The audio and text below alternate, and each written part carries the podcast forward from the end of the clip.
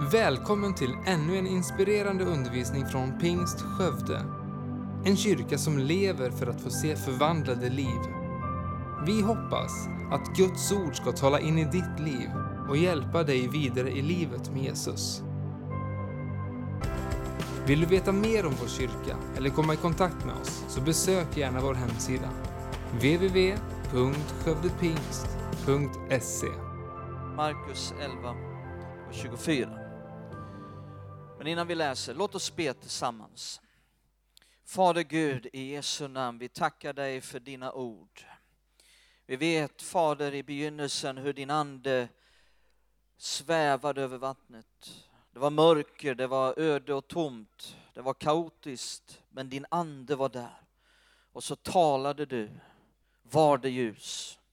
Och när din ande och dina ord fick möta det här mörkret, det här kaoset, så blev det ljus, det blev harmoni i ett enda ögonblick. Och nu ber vi att det ska inte bara vara dina ord, utan vi ber om din heligande.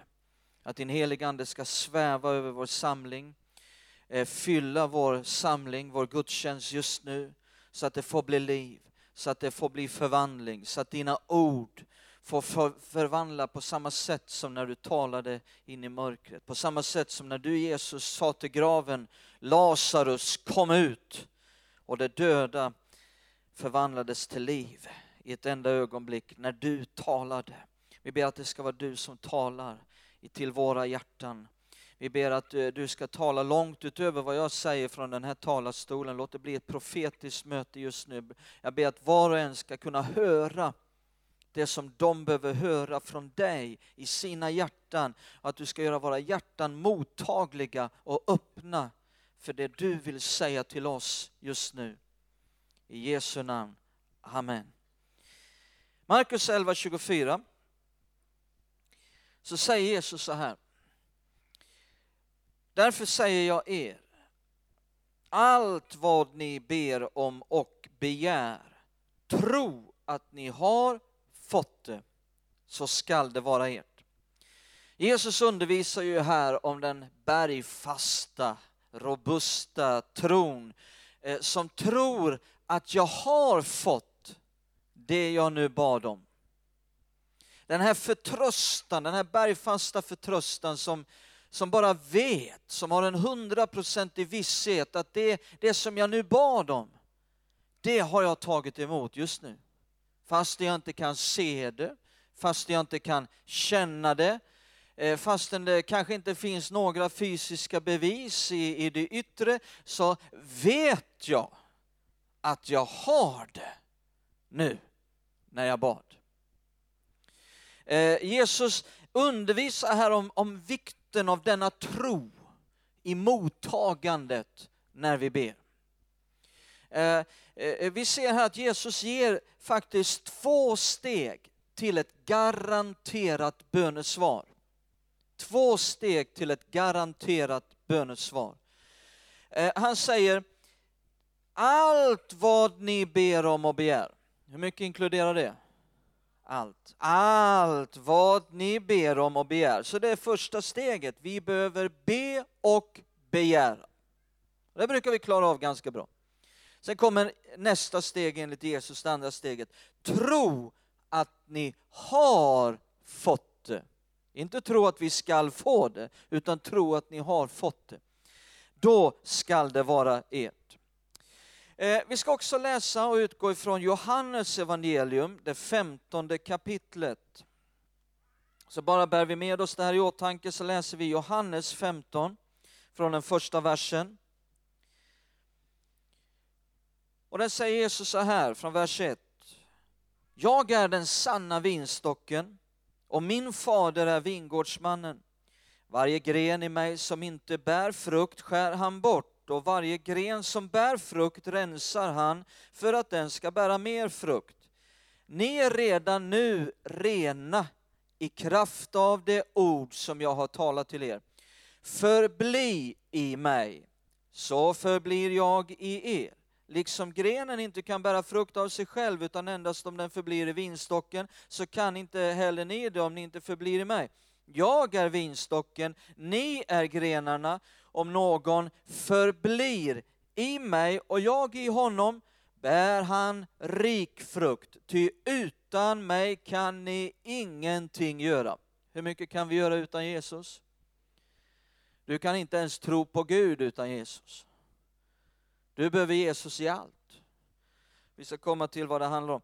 Eh, om någon inte förblir i mig kastas han ut som en gren och torkar bort och man samlar ihop sådana grenar och kastar dem i elden och de bränns upp. Och så kommer vi till versen jag vill komma fram till i vers 7 där det står om ni förblir i mig och mina ord förblir i er så bed om vad ni vill och ni skall få det. Vilket oerhört löfte. Här finns inte kanske, må hända, eventuellt att ni skall få det. Nej, ni skall få det. Eh, och lägg märke till att återigen så är det två steg till ett garanterat bönesvar i den här versen som vi just läste. Vad är de två stegen här då i Johannes 15 och 7? Jo, Jesus säger om ni förblir i mig, nummer ett, och så kommer nummer två, och mina ord förblir i er, så be om vad ni vill och ni skall få det. Ser ni återigen, två steg till ett garanterat bönesvar. Men lägg märke till att Jesus kommer med helt nya steg. Helt andra steg. Jag kan ju tänka att det skulle ju vara väldigt bra om Jesus höll sig till samma steg. Det skulle ju förenkla tillvaron åtminstone för mig. Sitt nu inte där och se så intelligent ut. Eh, Eh, erkänn att det skulle vara enklare om Jesus höll sig till samma steg. Varför kommer han med nya steg hela tiden till det garanterade bönesvar? Men, men nu vill jag visa dig att faktiskt Jesus talar om samma sak som i Markus 11. I Markus 11 så talade Jesus om den här bergfasta tron som tror att jag har fått det just nu när jag bad. Eh, och här i Johannes 15 så vill jag visa att Jesus faktiskt också här talar om tro. Men han talar inte om vad den bergfasta tron är, utan hur jag kommer fram till den.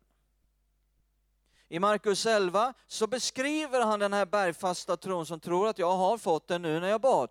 Men i Johannes 15 talar han om två steg hur detta kan komma i mitt liv. Och det tror jag vi ser väldigt tydligt om vi ser det andra steget här i Johannes 15 och 7. Vad var det för någonting? Jo, Jesus sa, och mina ord förblir i er. Är det ett steg till tro? Absolut. För hur kommer tro? Hur växer tro? Ja, Sven, vi får vi får be att den store profeten kommer och ber för mig och lägger sin hand på mig och för den fram och åter över mitt huvud. Ja, han kan föra sin hand fram och åter över ditt huvud till du får munkfrisyr.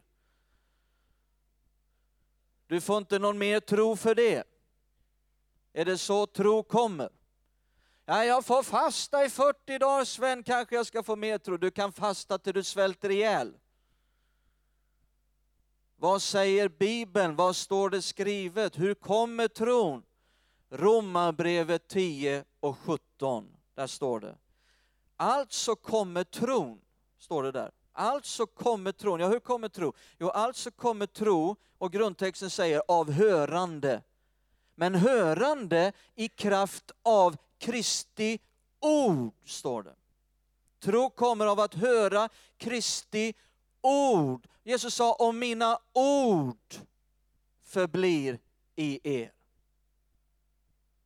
Alltså är det ett, ett steg till tro, för det är så tro kommer.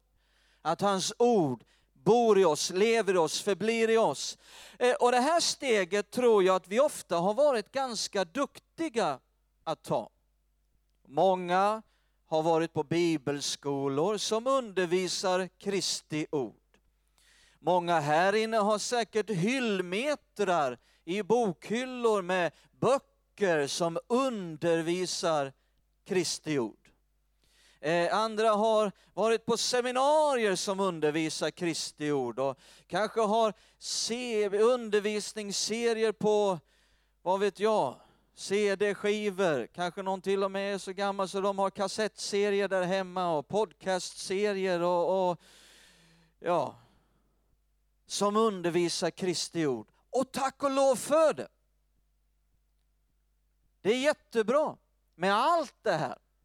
Därför att det är ett steg till tro. och mina ord förblir i er.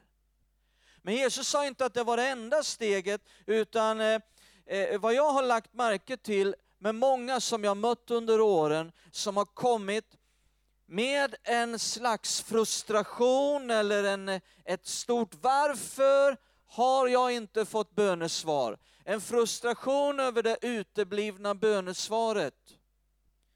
Det kan vara människor som, som säger, jag håller med allt som står i Bibeln, jag kan mycket som står i Bibeln, jag vet Guds löften, jag tror på att allt är sant, varför har jag inte fått bönesvar? Och vet du vad?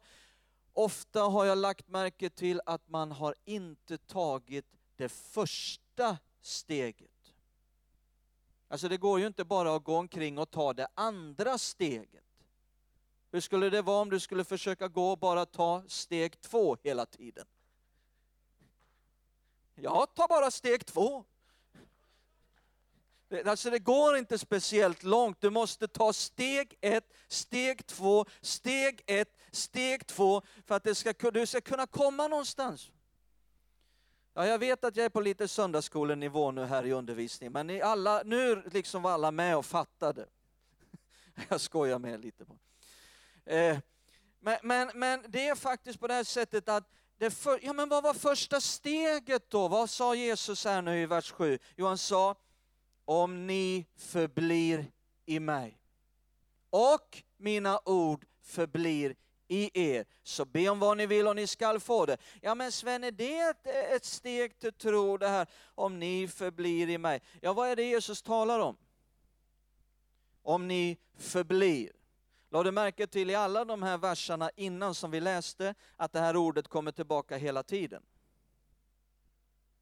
Vad är det Jesus talar om? Han sa, jag är vinstocken. Ja, andfådd jag blev. Jag får inte röra mig så fort över scenen. Jag lovar jag ska träna lite nu här så småningom. Eh, om ni förblir i mig, vad är det han talar om i verserna här? han säger, jag är vinträdet. Ni är grenarna. Om ni förblir i mig och jag i er så kommer ni att bära frukt, ni kommer att bära mycket frukt, ni kommer att kunna bära mer frukt. Vad är det han talar om? Han talar om, om grenens kontakt med vinträdet. Att det är helt avgörande. Han talar om vikten av att vi inte hänger som en halvt avbruten gren, utan att vi har en stark kontakt med vinträdet. Eh, eh, en, en intim, nära, stark kontakt med vinträdet. Eh, vad är det han talar om? Han talar om din intima relation med din frälsare, med din Herre. Som hela tiden finns där, inte bara en gång om året utan hela tiden, varje dag, 24-7. En, en stark, intim vandring, gemenskap, relation med din Herre. Som en förutsättning för den bergfasta, robusta tron. Så att du kan tro att du har fått det när du ber, så att det här bönesvaret kan bli ditt. Eh, det är det Jesus talar om. Ja, men vad har det med tro att göra? Det har allt med tro att göra. Och det är det jag vill visa dig här idag, att det är själva kärnan i all tro. Det är själva grundförutsättningen för all bergfast förtröstan på Herren. Och utan denna intima, dagliga vandring, gemenskap med Herren, så kan inte någon bergfast förtröstan finnas där i våra hjärtan.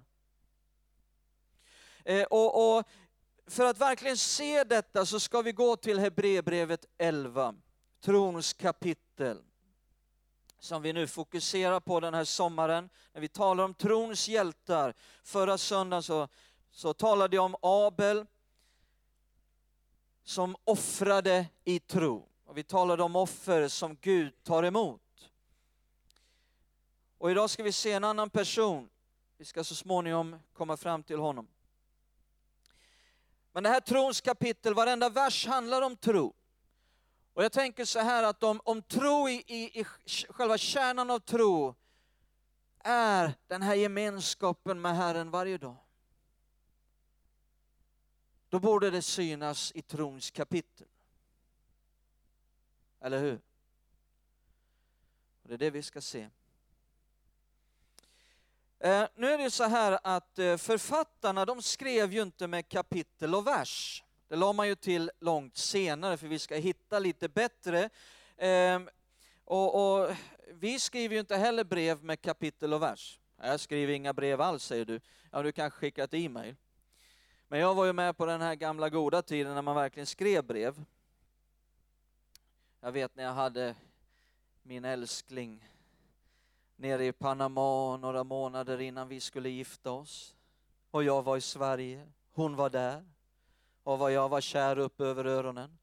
Alltså jag skrev varenda dag. Så skrev jag ett långt, hett kärleksbrev. Med glödheta kärlekspoem. Och en gång i veckan så la jag dem i ett kuvert och skickade. Men jag skrev inte med kapitel och vers. Kanske jag inte hade blivit gift liksom. Här kommer mitt brev till dig, kapitel 1. Jag hade nog inte blivit gift. Och de skrev ju inte med kapitel och vers heller, utan det har man långt, lagt till långt senare. Och jag känner att jag har lika stor rätt att dela in det här i kapitel och vers som, som de andra hade. Och Sven Bengtssons trons kapitel börjar redan i kapitel 10. Och de två sista verserna ska vi se där. Här kommer själva rubriken på trons kapitel. Kapitel 10, vers 38 och 39. Och då står det så här, min rättfärdige ska leva av tro. Det är rubriken på hela trons kapitel. Min rättfärdige ska leva av tro. Och vidare, men om man drar sig undan finner min själ inte glädje i honom. Vi hör inte till de som drar sig undan och går förlorade, vi hör istället till de som tror och vinner sina själar. Eh, lägg märke till här att författaren gör en motsats mellan tro och att dra sig undan från Gud. Tro och att dra sig undan från Gud. Lade märke till det, vi läser det igen långsamt. Min rättfärdige ska leva av tro och vidare. Men om han drar sig undan finner min själ ingen glädje i honom. Men vi hör inte till dem som drar sig undan och går förlorade. Vi hör istället till dem som tror och vinner sina själar. Eh, den här motsatsen blir ännu tydligare om vi går fram några versar in i kapitel 11, titta i vers 6. Så står det, men utan tro är det omöjligt att behaga Gud. Ty den som kommer till Gud måste tro att han är till och belöna dem som söker honom. Eh, vad står det här? Behagar Gud? Tro. Utan tro är det omöjligt att behaga Gud. Och som inte behagar Gud. Jag backar upp till vers 38 igen, i kapitel 10 så står det min rättfärdighet ska leva av tro och vidare. Men om han drar sig undan finner min själ ingen glädje i honom. Och gamla översättningen säger, finner inget behag i honom. Så tro är det som behagar Gud och det som inte behagar honom är om någon drar sig undan. Så det blir väldigt tydligt att motsatsen till tro är att dra sig undan från Gud. Och då kommer min fråga till er alla här idag. Om nu tro är motsatsen till att dra sig undan från Gud, vad är då tro? Precis. Då måste tro vara att dra sig nära Gud. Hängde du med där? Det är det som tro är i kärnan. grunden. Själva trons väsen, det är att dra sig nära Gud. Och där blir ju tron så mycket enklare. På platsen där jag har kommit nära Gud, där jag lever nära Gud. Där blir den här bergfasta förtröstan så mycket enklare. Där blir tron inte en kramp. Där blir den mycket mer som en frukt som växer på grenen. Har ni sett någon, något träd som försöker krampaktigt pressa fram frukt? Har ni sett någon gren, ett en pärongren, som försöker frenetiskt pressa fram frukt? Ja, jag är en gren, nu måste vi ha päron. Plopp! Där har vi ett päron! Nej, det är ingen gren som försöker pressa fram. Det enda grenen måste se till är att vara förankrad i trädet. Så kommer frukten. På den här platsen där jag, man har dragit sig nära Gud, där blir tron så mycket enklare. Varför då? Därför att där är hans storhet, där är hans väldighet verklig för mitt hjärta. Och där, och bara där, är jag i stånd att jämföra i mitt hjärta hans storhet med ett problem som kanske har dykt upp i mitt liv, en svår omständighet som har dykt upp i mitt liv. När jag lever nära Gud, eh, då kan jag jämföra och tänka automatiskt, eh, det där, det är en baggis för honom. För jag lever där. Där blir inte tron heller ett trollspö. Ja, vadå Sven? Jo, men det där blir inte tron ett trollspö. Har du läst sagorna? Jag har läst många sagor för våra barn under, genom åren. Alla sagor. Hundratals gånger höll jag på att säga. Jag kan dem utan till. Och i många sådana här sagor, när det har blivit mörkt, när det är svåra omständigheter och det krävs ett mirakel, det krävs ett under, vad brukar hända? Jo, då brukar en fe dyka upp. Då kommer en fe. Och så har hon med sig i sin hand, vad då? Ett trollspö. Och så säger fen, pling! Så är miraklet ett faktum. Mörker har blivit ljus, död har blivit liv. Det är seger, Halleluja! Och många kristna vill använda sin tro som ett trollspö. Det vill säga, man lever inte nära Gud. Som vi talar om här. Utan när det kommer en svår omständighet, när det har blivit mörkt och situationen är dålig, då ska man börja försöka tro Gud. Då ska man försöka plocka fram sin tro och använda den. Och, och så blir det ungefär så här liksom, eh, ja var har jag lagt den någonstans?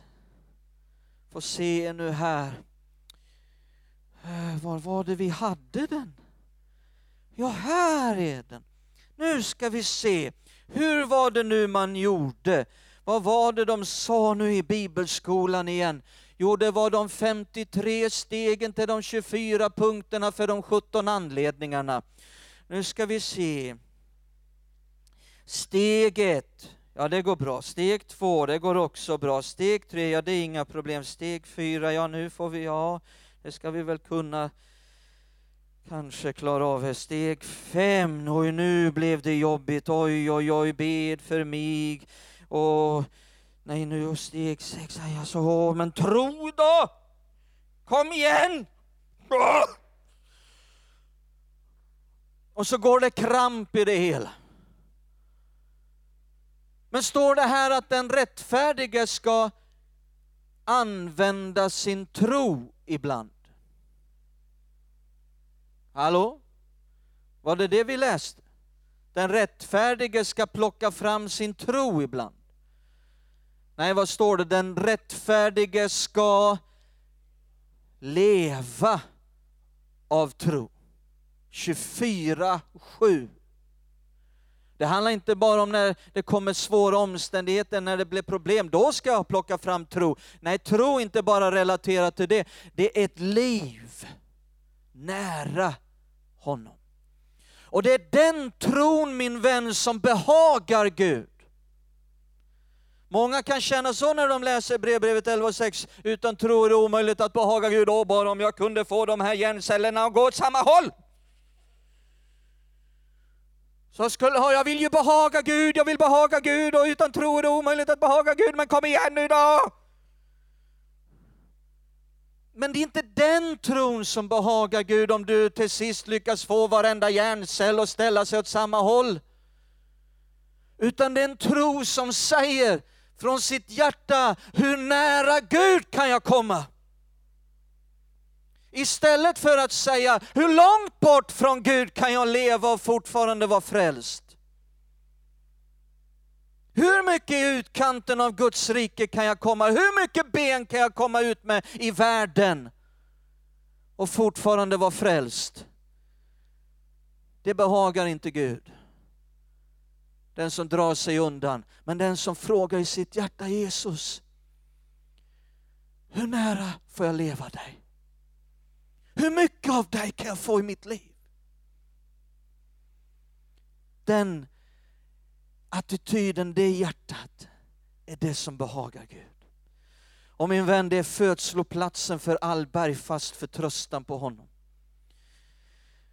Och, och det är det som jag tror att vi ska se här, i den här mannens liv, som heter Hanok. I det här kapitlet i Hebreerbrevet 11 så hittar vi trons hjältar som vi talar om den här sommaren. Män och kvinnor i Gamla Testamentet som genom tron gjorde oerhörda bedrifter. Någon delade på ett hav genom tro. Någon rev ner murar genom tro.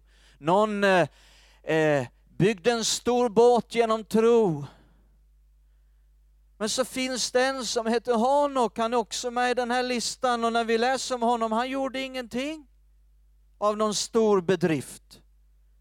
Men varför är han med i den här listan? Jag tror att han är med för att just visa vad tro, vad trons väsen är, att det är att dra sig nära Gud. Ska vi läsa om honom i vers 5? I Hebreerbrevet 11.5 står det Genom tron togs Hanok bort utan att möta döden. Och man fann honom inte mer, ty Gud hade tagit honom till sig.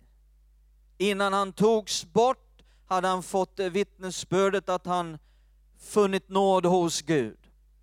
Det sista som står där att innan han togs bort hade han fått vittnesbördet att han funnit nåd hos Gud. Många andra översättningar säger att han hade behagat Gud. Och så kommer nästa vers, men utan tro är det omöjligt att behaga Gud. I många översättningar är det samma ord där. För det som står i vers 6 har med Hanok att göra, att utan tro är det omöjligt att behaga Gud. För att innan han togs bort hade han fått vittnesbördet att han hade behagat Gud.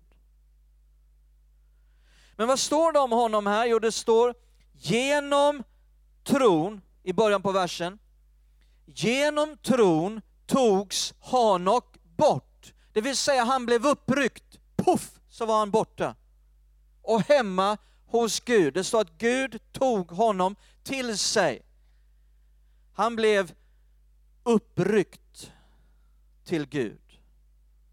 Bort ifrån den här världen, Möt, mötte inte döden fick flytta hem till himlen livslevande. Och de som lever och ännu är kvar, säger Paulus, när Jesus kommer tillbaka kommer få vara med om exakt samma sak. Inte möta döden, utan bli uppryckta Jesus till mötes. Vill du vara med den dagen? Jag vill vara på rätt plats, göra rätt saker den dagen Jesus kommer. Jag vill vara nära Gud. Men det står här, genom tron skedde detta. Det var Hanoks tro som orsakade att han fick vara med om det här spektakulära att bli uppryckt. Det var tro. Och enligt vissas uppfattning om vad tro är så måste det ha gått till så här att en dag så fick Hanok för sig att han skulle tro Gud om ett uppryckande. Han kanske tänkte, det har ingen varit med om tidigare. Wow, vilken grej! Uppryckande! Ho, ho! Är det någon här inne som har trott Gud om det någon gång? Och enligt vissas uppfattning om tro måste jag ha något ha tänkt, ja, nu ska jag tro Gud om ett uppryckande. Men då måste man ha mycket tro, alltså då måste man verkligen fokusera. Då måste man koncentrera sig. Då måste man verkligen, nu ska jag tro Gud. Tro. Tro. Tro. Tro, tro, tro, tro, tro, tro, tro, tro, Så bara försvann han. Man såg honom inte mer. Nej, jag tror inte det var så det gick till. Därför att det står att innan han togs bort hade han fått det här vittnesbördet att han hade behagat Gud. Det var hans tro. Men vad konstaterar vi att tro var i verserna innan? Tro är att dra sig nära Gud. Så ni matematiker vet att man kan plocka ut variabler och sätta in siffrorna. Och eh, som vi vet att tro är lika med att dra sig nära Gud, då kan vi sätta in att dra sig nära Gud när vi läser tro. Ja, en del hängde med där. Lyssna på podcasten om du inte, för jag kommer inte säga det igen. Eh, genom tron tog Sanok bort. Då kan vi läsa, genom att dra sig nära Gud tog, togs Hanok bort. Att det var att han drog sig nära Gud som var anledningen till att han togs bort. Jag tror att det gick till så här, om jag får måla lite fritt. Att eh, Hanok kanske hade en dag i sin vandring med Gud, där han alltid levde nära Gud, men kanske en dag att han hade en extra dag utav eh, bön, att vara tillsammans med Gud hela dagen och fram på kvällningen, när det blir dags att bryta upp. Och så säger Gud till Hanok, Hörru Hanok, ikväll är det närmare hem till mig än hem till dig. Kan inte du bara följa med mig hem? Ja visst, sa Hanok. Så Hanok följde med Gud hem. Det var närmare dit än hem till sig. Jag tror att det var något liknande. Genom att dra sig nära Gud togs Hanok bort. Jag tror att han helt enkelt kom Gud så nära att han var mer i himlen än han var på jorden. För att se det här tydligare så ska vi avsluta genom att bara läsa om Hanok i Första Mosebok 5.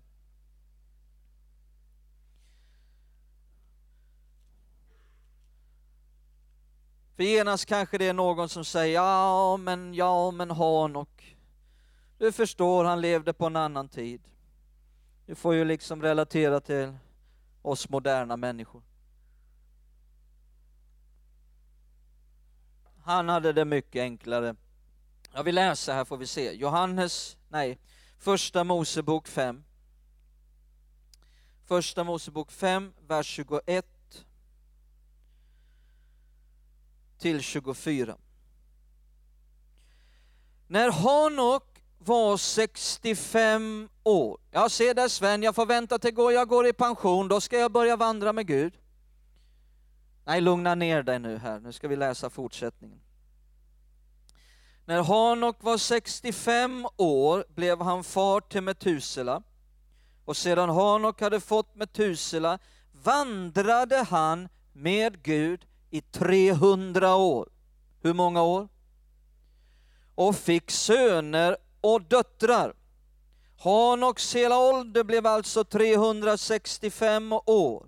Sedan Hanok på detta sätt hade vandrat med Gud fanns han inte mer, ty Gud hämtade honom.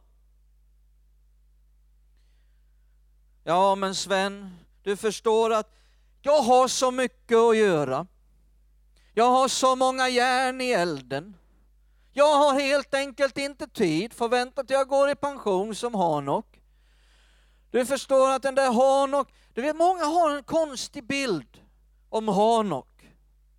Att den där Hanok, när man pratar om Hanok i Bibeln, då ser många någon slags underlig figur framför sig med skägg ända ner till eh, fotknölarna. Någon slags mystisk figur som var helt världsfrånvänd, ingen fick kontakt med honom. Ibland kunde man kanske skymta honom inne bland träden där han gick för sig själv. Liksom.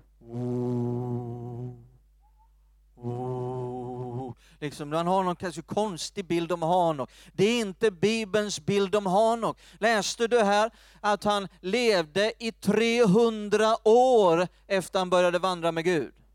Och så står det, födde söner och döttrar.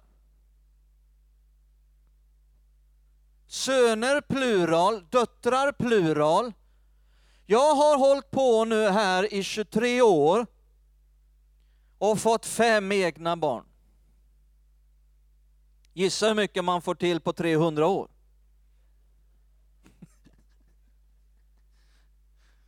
Alltså han måste ju ha haft en gigantisk familj. Ja, men Sven, det där lämnade han över till frun och sen sprang han ut i skogen tidigt på morgonen och var med Gud hela dagarna. Så liksom frun fick sköta, nej, fel. Bibeln säger, Paulus säger i första Timotebrevet, att den som inte tar hand om sina närmaste, sin egen familj, är värre än en otrogen och har förnekat sin tro. Så jag tror inte att några trosförnekare hamnar bland trons hjältar. Nej, han försörjde sin familj. Han slet, han jobbade, han tog hand om alla de här barnen han hade skaffat fram på 300 år. Och drog sig nära Gud. Ja, men du förstår Sven, nu är det mycket mer demoniskt motstånd. Det är mycket mörkare nu i världen, mycket tuffare att vandra med Gud. I, på Hanoks tid då var det hur lätt som helst. Men snälla någon, det har väl inte skapats några nya demoner? Det fanns lika mycket på den tiden som nu. Ja visst, läs din bibel. Titta här i kapitlet, eh, eh, du behöver inte göra det nu, men i kapitlet innan, kapitel 4, redan där i första Mosebok 4 så hittar vi det första brödramordet. Och sen så hittar vi i, i kapitel 4 de första tecknen på krig, på ett liv i, där man söker liv i utsvävningar och lyx. Eh, I kapitel 6, kapitlet efter här, så är Gud så trött på all synd och allt mörker så han vill dränka hela jorden. Och i detta drog sig Hanok nära Gud. Jesus sa, jag är vinträdet. Ni är grenarna.